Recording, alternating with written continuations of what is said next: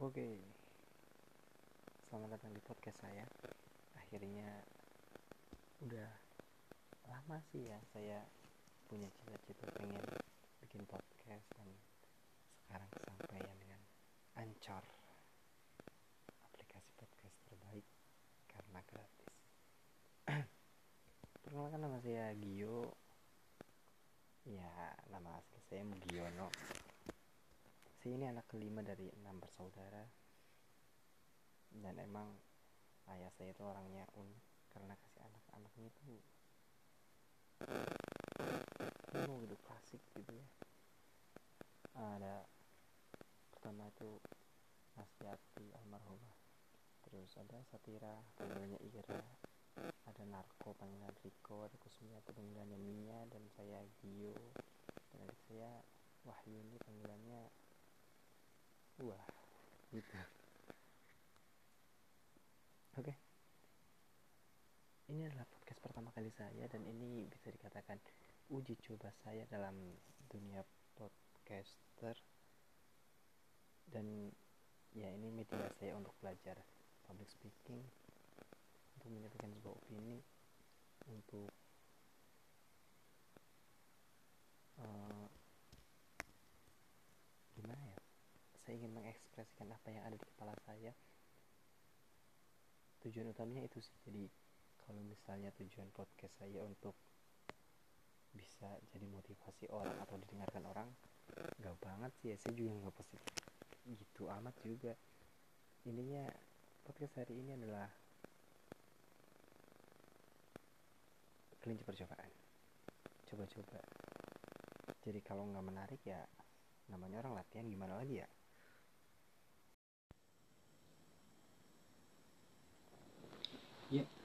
kali ini saya pengen ceritain soal sebuah perjalanan.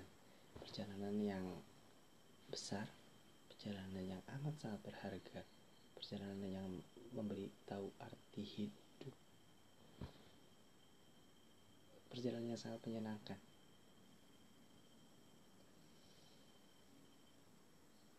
Saya di dunia yang sangat besar ini saya nggak yakin semua orang itu punya sahabat nggak semua orang itu punya sahabat.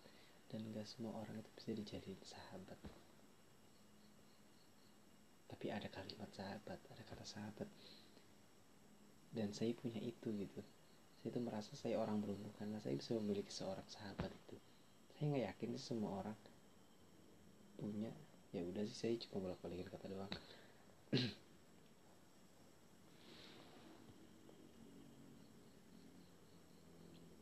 hingga di satu titik di mana saya menurut saya adalah sesuatu yang paling berkesan yang memberi saya banyak memberitahu banyak hal dalam hidup dan dengan si kampret ini. Perjalanan yang gak akan bisa tergantikan. Perjalanan yang berat yang membuat saya jadi saya jadi Mugiono gitu dan perjalanan ini membuat saya menemukan passion saya. Ya namanya Safni. Satu orang bodoh yang mau ada dalam perjalanan ini gitu.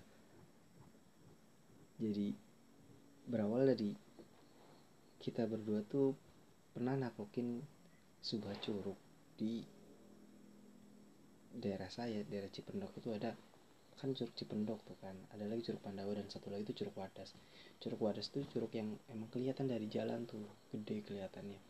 Dan itu belum ada rutenya tau masih bener-bener masih hutan gitu. Dan kita berdua tuh pernah taklukin itu.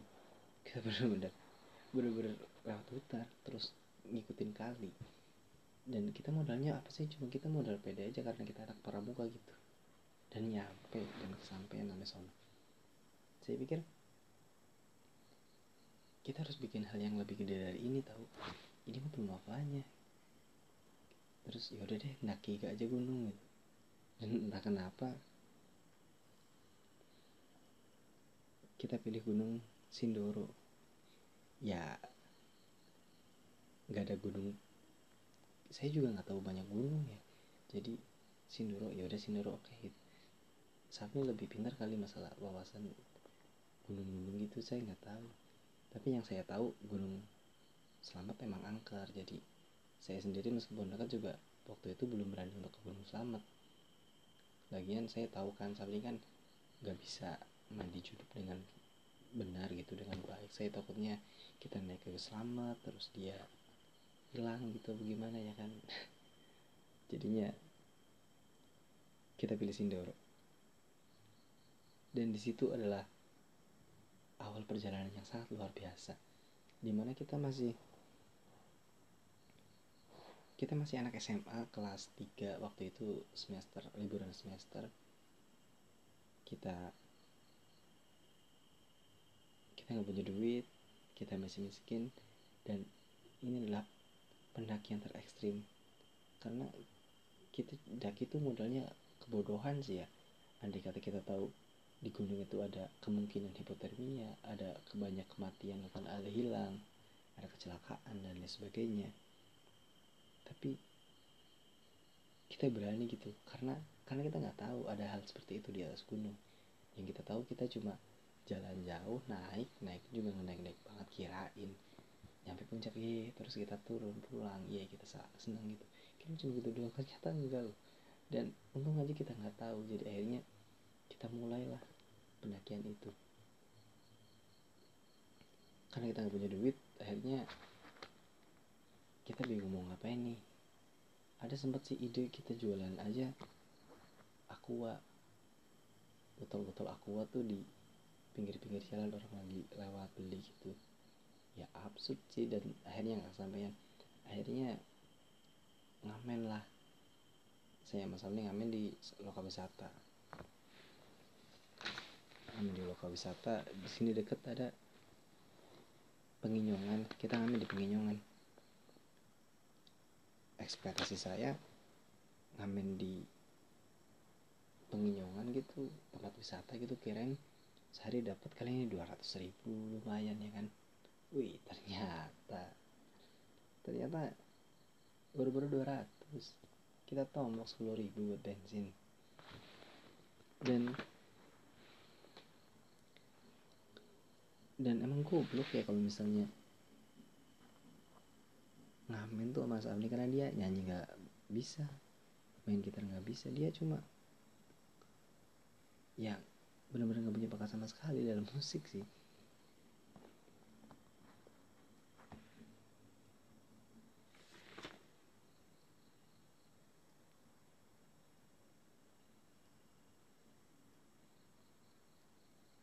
Dan akhirnya ke penginyongan waktu itu kita duduk-duduk di gubuk ya kan? Jadi itu itu tempat wisatanya tuh jadi bentuknya tuh gubuk-gubuk kecil gitu buat orang pacaran pada mesum kali. Dan di gubuk itu ada satu gubuk yang emang ada foto-foto. Kayaknya pemiliknya sih orangnya tuh gondrong gitu. Dan bawa burung hantu nggak dong. Gondrong tapi beneran itu orangnya gondrong. Dan kita sempat ketemu orang itu saya lupa namanya tapi dia kelihatan orang seni gitu sih. Mau pesing. Kelihatan orang seni maksudnya kayak dia banyak foto-foto yang sama orang-orang gede juga. Saya yakin dia bukan orang-orang biasa. Dan dengan gaya yang unik itu gondrong itu. Kita sempat ketemu sama dia katanya dia itu pemilik dari penginyongan dan kita ngobrol akhirnya kita minta izin. Pak pengen ngamen di sini boleh nggak dibolehin diizinin. Tanpa ada pajak atau apa pun. Dan oke okay, kita ngamen di situ dong. Ngamen. Nggak ada orang kasih duit. Orang orang itu kiranya kita lagi duduk-duduk nyanyi-nyanyi aja. Dan kita pun juga agak malu waktu itu. Dan ya berakhir dengan hamsyong nggak ada satu sen pun yang kita dapat. Tapi di situ saya menemukan sesuatu yang berbeda. Di mana ternyata menyenangkan tahu menyenangkan saat kita saat saya menyanyikan sebuah lagu dan dalam lagu itu saya taruh emosi dari apa maksud lagu itu dan ada penonton yang mendengarkan dan ikut merasakan emosi yang ada di lagu itu itu menyenangkan banget saat kita menyanyi dan ada orang yang mendengarkan dan mereka terbawa apa yang kita nyanyikan itu menyenangkan banget. Dan itu pertama kali saya merasakan nyanyi enak ya nggak cuma buat saya sendiri tapi juga bisa buat orang lain juga. Itu luar biasa banget sih. Itu saya masukin satu poin besar dalam hidup saya karena perjalanan ini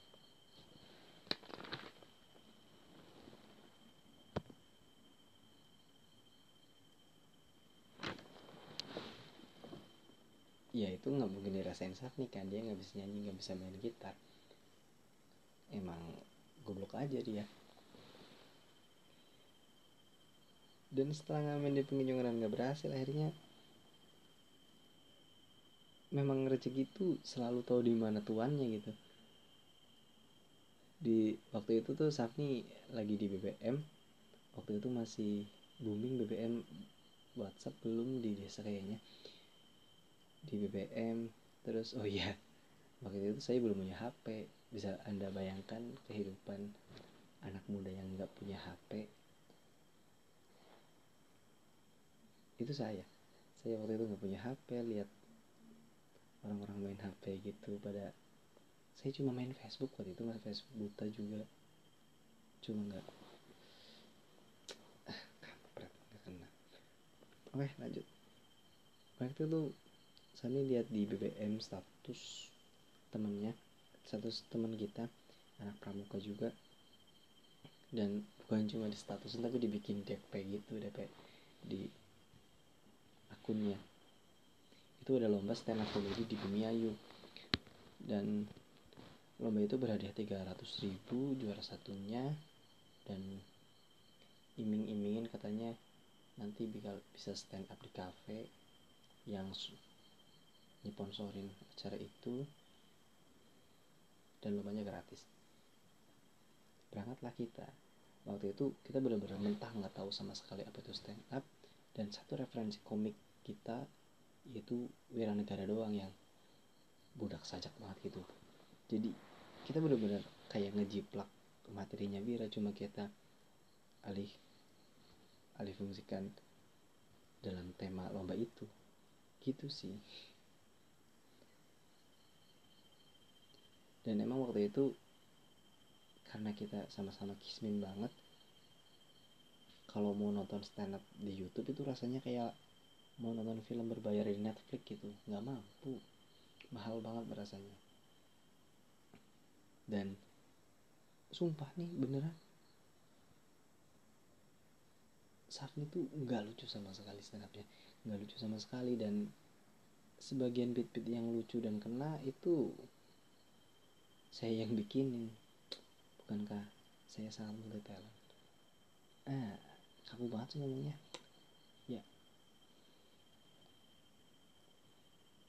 Jadi ada bidang ini. Dia tuh nyamain antara waktu itu masih viral Om Telolet dan ada dia sering dengar ada penjual es krim tumpung tuh yang krimnya murah yang seribuan gitu di parodiin om telolet om telolet. Bit apaan? Ya akhirnya kita lomba. Dan waktu lomba itu saya lucu sih. Saya perform ketiga atau keempat kalau nggak salah. Dan menurut LPM yang saya hitung sendiri ada rekamannya juga di HP pecah sih waktu itu yang nonton tuh anak-anak anak-anak univ peradaban. Cuma kesalahan saya ada kalimat corok yang keluar dari mulut gitu.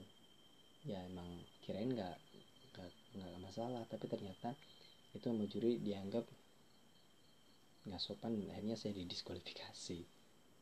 Harusnya saya juara di situ harusnya. Dan dengan amat sangat terpaksa juri pun karena udah nggak ada yang nggak ada yang lebih bener lagi. Mungkin juri juga ngasih juara dua tiganya sembarangan aja gitu. Ya udah ini aja deh ini aja deh. Sampai juara lah juara tiga. Saya masih nggak ikhlas sampai sekarang sih kurang aja seratus ribu. Tapi tapi stand upnya nggak lucu. Ya juara tiga sih lumayan. Dan akhirnya dapat tuh duit 100 ya kan? Itu buat modal naik gunung lah. Dapat 100 ribu. Di situ saya dengan kegagalan saya tapi lucu ya nggak gagal banget sih.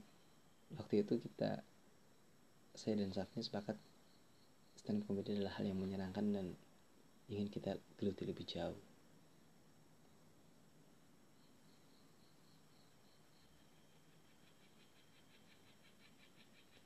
dan setelah itu terkumpul dulu 100 ribu Safni punya tabungan 100 ribu. Dan saya minta uang ke orang tua dapat 10 210 ribu. Saya tuh ngapain nggak naik gunung waktu itu tuh.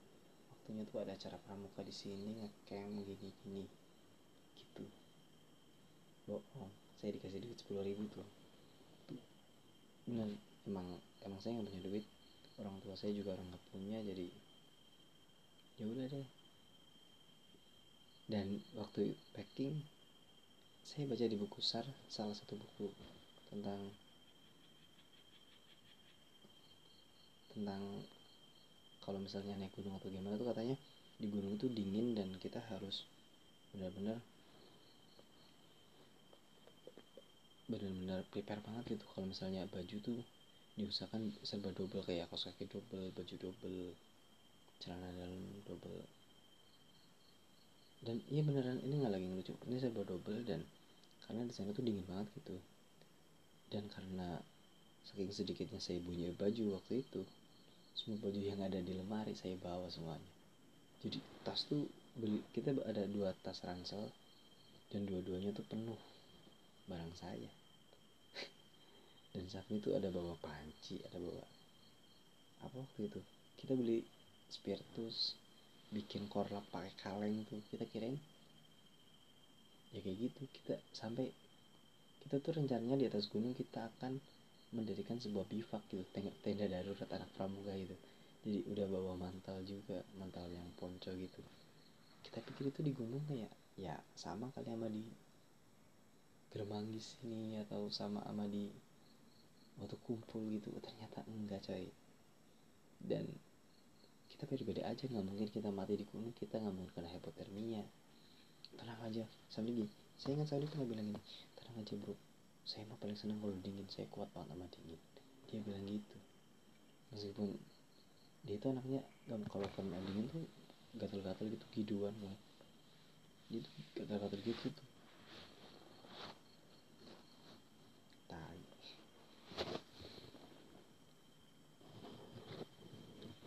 perjalanan dimulai ya kita jalan dari rumah. Jalan ada dua kilo ada tuh pick up kita berhenti kita nak numpang tuh. Kita numpang nyampe ke pom bensin di sini Losari. Di pom bensin ada tuh mobil pick up juga. Ditanya katanya mau ke Purwokerto kita ikut kita ngikut sampai Purwokerto. Tur Purwokerto beli spiritus sama kita bekal gula jawa satu gede tuh buat cemilan terus kita berhentiin nungguin truk gede lewat. Lama banget. Setengah jam ada kali kita nungguin truk berdua. Udah nyerah tuh udah pulang aja yuk pulang pulang pulang. Udah sampai gitu. Dan akhirnya ada tuh truk gede tronton kayaknya. Dia berhenti dan kita ngikut tuh. Dia kalau nggak salah mau ke Banjarnegara. Kita ngikut sampai Banjarnegara tuh naik tahu kan orang orang hidup di jalan ya kan supir supir kan orang jalan dan orang itu emang kasar-kasar gitu. Kita itu duduk di depan loh kita nggak di belakang. Jadi saya duduk di samping saya duduk di tengah tuh. Jadi supir ngobrol sama Sapni tuh saya tidur. Emang supir truk tuh kalau bawa truk tuh emang gitu tuh kalau misalnya ada orang bawa motor depan agak bego dikit tuh oh goblok. Goblok gitu mulu dan menyenangkan sih ngeliat gitu hiburan lah. Oh iya waktu itu kita tuh ada satu baterai. Karena kirain di hutan kalau misalnya di gunung itu gelap kita bawa baterainya tuh bukan baterai center tapi kita baterai hub baterai power bank itu kita minjem power bank gak buat ngecas HP yang membuat center tahu center power bank itu cuma berapa sih terangnya? Kayaknya lebih terang lampu 5 watt yang boklam kuning gitu ya kan bawa itu dan bawa pinjem kamera juga. Kamera digital tuh yang jelek banget fotonya. Dan kita turun di negara turun negara kita berhenti mampir sholat di masjid gede di pondok kalau nggak salah. Kita berhenti di situ kita duduk ngobrol ngobrol masalah masa depan ngobrol masalah kita gila gini ya kali kita takut anak kita tak lebih gila dari ini terus saya itu punya ketakutan. Anak saya naik truk sampai Papua gitu. Waktu itu emang kita belum lucu. Sekarang saya masih belum. Setelah itu baru kita nyebrang. Rencananya kita mau makan kalau nggak salah. Dan setelah itu kita baru nyebrang jalan ada truk tuh berhentiin lagi tuh. Katanya mau ke Semarang. Kita ngikut sampai subuh dan ke setiap supir nanya mau ke mana tujuan kita karena bawa tas gede kita ngomongnya mau berangkat ke pondok di sini Wonosobo ada pondok Libeber. Katanya kita mau mondok ke situ. Sebenarnya tidak kita mau ya mau naik gunung.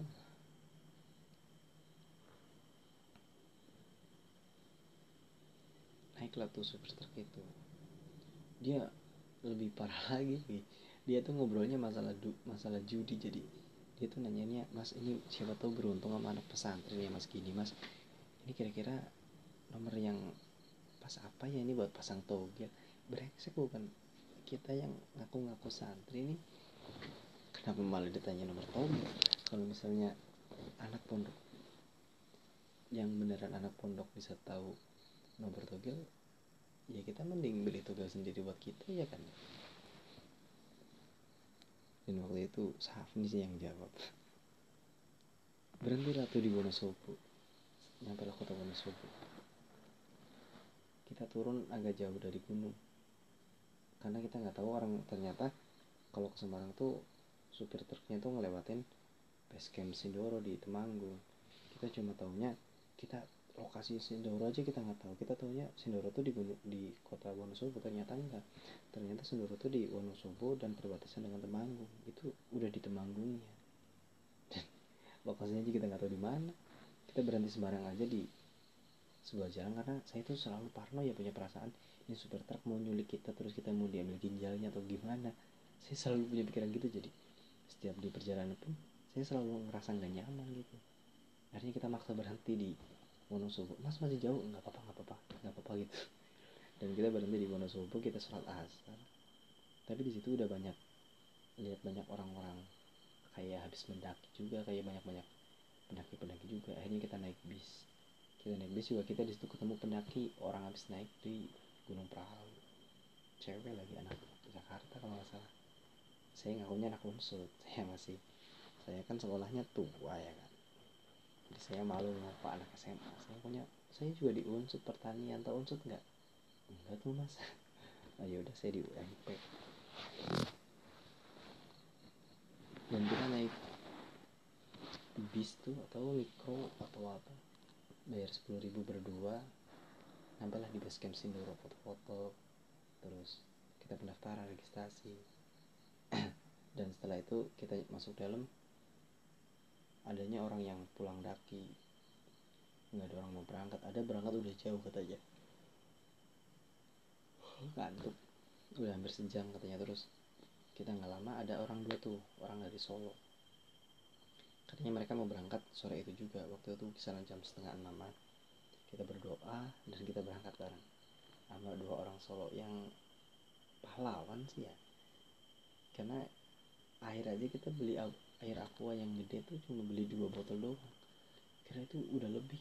Kira itu dua botol itu menurut saya itu di gunung kita bisa gunain buat wudhu buat cuci muka buat cuci tangan mau makan gitu kirain. Dan itu ternyata paling gila yang pernah ada benda. Bener-bener bener kebodohan. Untung aja kita ketemu orang Solo itu. Kita ketemu kenalan akhirnya kita naik bareng jalan dan di jalan mulai basa-basi nih. Mas bawa tenda nggak mas? Bawa lah masa naik nggak bawa tenda. Emang harus bawa ya mas? Ya bawa lah masa nggak bawa sih? Terus habis itu oke okay lah. Boleh. Tendanya gede nggak mas? Ini saya nggak bawa soalnya. Dan akhirnya dia ngetujuin. Dan jalan dari base camp ke pos satu itu enak banget jalannya. Eh, jalannya emang jauh sih tapi enaknya tuh pemandangannya sayur-sayurnya dan bener-bener desa banget masih asri gitu. Jalannya aja masih nggak semua aspal sih ya masih ada yang batu ditata-tata gitu. Nyampe setengah tujuh di pos satu. Jalan terus jalan terus sampai puncak. Sampai puncak? Jalan terus. Waktu itu malam kita ketemu sama orang Jakarta. Dan kita sempat gabung sebentar sama orang Jakarta kita jalan naik. Tapi akhirnya kita kecapean dan kita minta ditinggalin aja. Udah duluan aja nggak apa-apa. Akhirnya kita jalan pelan karena orang Solo ini juga yang satu tuh pendaki serius tapi dia habis mendaki Sumbing dia masih kecapean dan dia langsung ke Sindoro dan yang satunya lagi tuh sama-sama anak amatir dia alay banget masih beneran? Dan kita jalan terus sampai ke camp lah lupa tuh pos berapa kita di tempat camp. Kita ngecamp ke tenda dan lucunya kita ber, ini berempat orang ini yang bisa bikin tenda cuma satu orang doang. Dan kita bertiga tuh cuma bukan bantuin lebih tepatnya gangguin sih ya jadi ini tenda gede dibikin satu orang dan kita bertiga tuh cuma ikut narik narik sebenarnya nggak harus tarik. Suruh tancapin tanah tancapin tanah. Tuh ujung tenda kita tancapin beneran ke tanah dan akhirnya lubang yang aturannya buat masukin benda apa itu namanya lupa patok patok ya kan? Itu jadinya kemasukan tanah banyak banget gitu.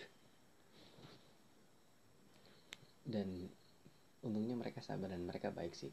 Kita akhirnya air juga minta sama dia makan juga barengan sama dia. Kita kompor juga dia bawa kompor apa tuh namanya yang buat camp gitu.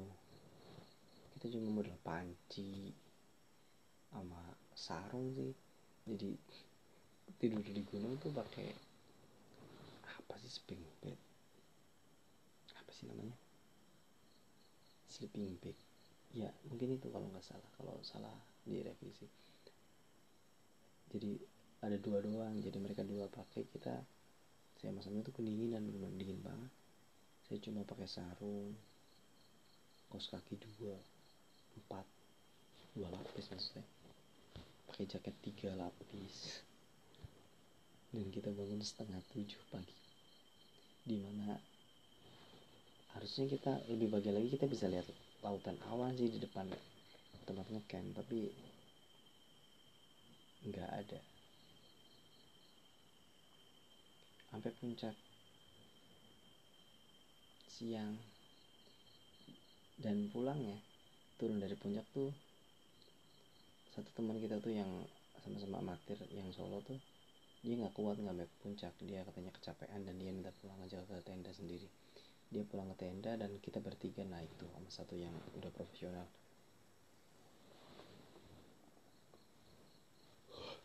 Nah, naiklah ke puncak. Di puncak kita foto-foto bentar. Katanya nggak boleh kelamaan karena siang juga. Dan bau belerangnya nggak bagus katanya akhirnya kita sebentar doang paling 10 menitan kita turun lagi tuh. Dan turun yang anak sholat itu duluan karena kita lama jalannya. Saya mas itu jalannya benar-benar lama banget benar-benar jalan benar-benar berhenti. Kita udah nggak punya air juga. Dan saya tuh bawa tiga jaket dan tiga jaket-jaket itu saya iketin di pinggang nggak dipakai. Ribet banget jalannya air tuh kayaknya tinggal dikit banget. Dan di jalur Sindoro tuh yang ke puncak tuh banyak banget sampah-sampah madu rasa tuh. Ini kok ini kritikan aja buat para pendaki. Janganlah buang sampah itu di gunung ya gak enak banget sih. Meskipun untuk pendaki seperti saya dan Sapni waktu itu tuh agak tertolong sih karena itu sama tuh sampah Madura saya dan kita tuh bekas sampah Madura tuh kita pencet-pencet lagi sampai keluar tuh dikit. Yang penting mulut kita agak berasa manis aja gitu. Itu bener-bener dari ujung puncak sampai ke tempat kita ngecamp tuh bener-bener kita mengikutin banyak banget saset-saset madu rasa tuh. Kita cicipin bekasnya gitu bekas orang. Ada yang rasanya ini udah asem rasanya udah lama kayak ada bungkusnya udah kuning udah kotor gitu mungkin udah beberapa hari. Dan kita sempat saya pura-pura pingsan terus si Sani yang ngemis tuh minta air ke orang lewat. Mbak boleh minta air gak nih? Teman saya udah gak usah nih. Kita emang gembel sih emang kita. Hingga akhirnya kita pulang turun uh, kita nyampe sana tuh maghrib maghrib. Tepat kita berangkat naik juga adzan maghrib kita pulang juga nyampe base camp juga maghrib lagi. Dan karena capek saya pengen pulang sebenarnya tapi saat ini nggak mau pulang. Dia milih pengen nginep semalam aja di base camp. Akhirnya kita nginep di base camp semalam. Dan saya sebagai anak yang amat sangat soleh waktu itu belum kenal. Dan nggak waktu itu saya bangun pagi banget subuh dan saya cuma pengen lihat pemandangan di daerah situ sih karena Gunung Sumbing tuh kelihatan deket banget Sindur Sumbing tuh deket banget. Enak banget dilihat. Waktu itu sebelum adzan subuh kalau nggak salah. Dan ada supir truk tuh arah ke barat lah ya. Kayaknya ngelewatin Purwokerto jadi saya udah mau naik tapi sampai gak bangun bangun akhirnya saya udah subuhan pulang subuhan dia masih belum bangun. Dan akhirnya dia subuhan telat habis itu baru kita pulang. Santu sama orang Solo situ juga kita turun ke Wonosobo dari Temanggung. Tuh kita naik bus yang sama kayak waktu kita dari Wonosobo ke Temanggung. Naiklah kita. Pas naik Wonosobo bahasa orang Wonosobo sama Temanggung kan udah Jawanya udah halus gitu kan ya. Udah bilangnya udah agak ke Jawa ketimuran lah itu agak lebih medok lagi. Kalau kita kan ngapak banget gitu kan. Jadi waktu itu orangnya kenetnya udah bayaran. Terus berapa mas? Pira mas? Oh ribu. Kok dua puluh ribu sih? Kemarin aja sepuluh ribu gitu enggak mas emang dua puluh ribu. Enggak soalnya marah-marah gitu. Enggak kok kemarin aja sepuluh ribu. Terus saya ambil tas ayo kita turun aja di sini kita turun aja. Ngapain bayar segitu mahal? Gitu kan gitu. Udah ribu tuh di situ yaudah akhirnya kenetnya yaudah deh sepuluh sepuluh gitu. Dia kasih sepuluh ribu lah. Nyampe Wonosobo turun. Pas sampai mau bayar dia duit seratus ribu. Akhirnya kenetnya pun jancuk gitu dan kita lari. Akhirnya kita bisa naik bis gratis. Habis itu kita langsung dapat truk. Kita cuma nyampe ke lupa negara lagi atau mana ya. Kita dapat truk. Nggak jauh jalannya kalau nggak salah negara Banjarnegara kita dapat truk lagi. Dan itu kayaknya supir truk yang paling asik dalam perjalanan ini supir truk ini baik. Dia juga masih muda nggak tua-tua banget. Dia baik dikasih rokok. Kita ngobrol banyak waktu itu. Sampai kita dikasih duit 20 ribu ingat banget. Dan kita diberhentiin di Purwokerto. Makan enak lagi. Makan aja kita sempat ribut karena ini ngeyel dia pengen saya makan ayam dan saya ngeyel saya nggak mau makan ayam karena saya tuh dibayarin gitu. Dia kan orangnya nggak tahu diri ya. Dia ambil aja lauknya banyak banget dan itu dibayarin sama supir kita. Dia cuma makan sama sayur. Kita makan dan kita pulang. Kita berhenti di dekat terminal Purwokerto. Berhenti kita sholat zuhur waktu itu. Dan muka udah lebam nih ada nabrak pohon ada kena ranting banyak banget. Muka muka muka udah pada rusak gitu. Kita pulang udah sih kelar ceritanya. Direkam udah 34 menit. Lama. Perjalanan yang sangat menyenangkan. Perjalanan yang amat sangat begitu menyenangkan. Perjalanan yang amat sangat berarti. Saya nggak tahu sih siapa saya andaikan hal itu tidak terjadi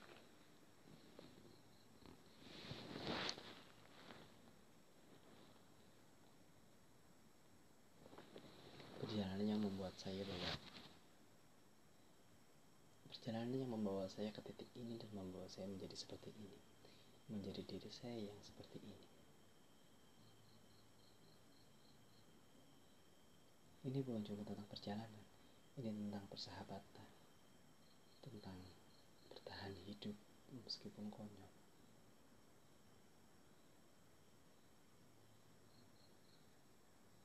kayaknya kalau sebagian orang itu takut mendaki gunung dengan alasan takut keselamatan dan lain sebagainya bahkan kita lebih ekstrim dari pendaki-pendaki lainnya dan kita selamat. Kadang emang nasibnya aja yang jelek mungkin dia udah prepare udah pakai jaket yang mahal atau mungkin dia udah pakai sandal Eiger waktu itu kita pakai sepatu biasa dan mati mati aja hilang aja gitu ya. Cuma modal duit 210 ribu. Dan saat ini bawa pulang duitnya 100 ribu.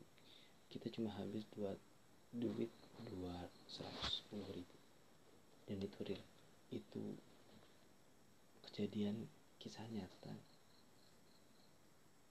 kangen sih mama itu. Bener-bener untung aja kita nggak tahu. Saya punya kesimpulan. Pencapaian tidak selalu berhasil dalam sebuah wawasan. Dan saya buktikan karena minimnya wawasan saya dan Sabni waktu itu kita bisa mencapai sesuatu yang sangat luar biasa. Bukan cuma sampai di puncak Sindoro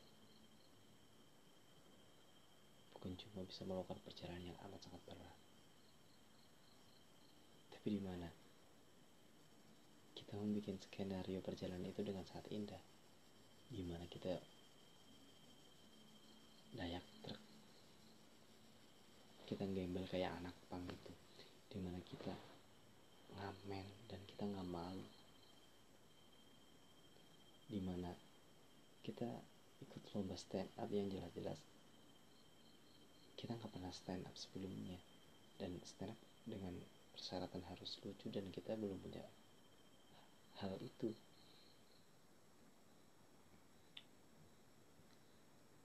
Ya akhirnya itu seperti membuka pikiran kita bahwa ini adalah sebuah perjalanan yang membuat kita menemukan banyak hal yang luar biasa menemukan kita jati diri yang benar-benar luar biasa. Karena saya sama Safi benar-benar solid banget sih. Kita nggak pernah kayaknya ribut ada masalah apa gitu. Bahkan pernah Safni suka sama cewek dan ceweknya pacaran sama saya. Dan kita baik-baik aja waktu itu saya punya satu cita-cita di mana saya pengen merendah serendah-rendahnya di atas gunung Sindoro dan mengucapkan Subhana Rabbil A'la wa bihamdi. Saya ingin bersujud di atas gunung Sindoro dan hal itu terjadi. Maha suci Allah lagi maha tinggi.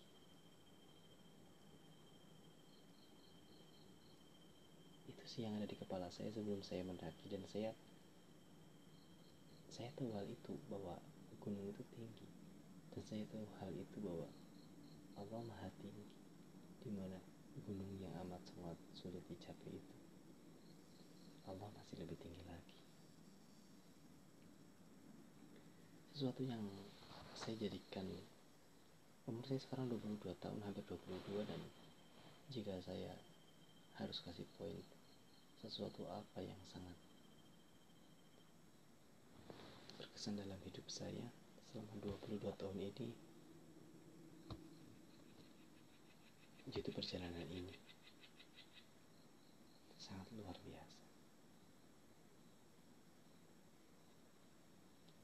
Siapa pun kamu yang lagi dengerin podcast ini, kurang-kurang selesai.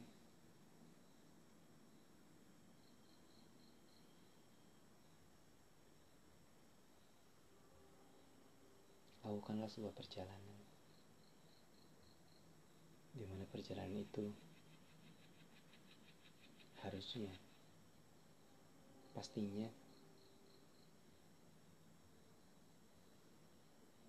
akan membuat kamu tahu siapa kamu.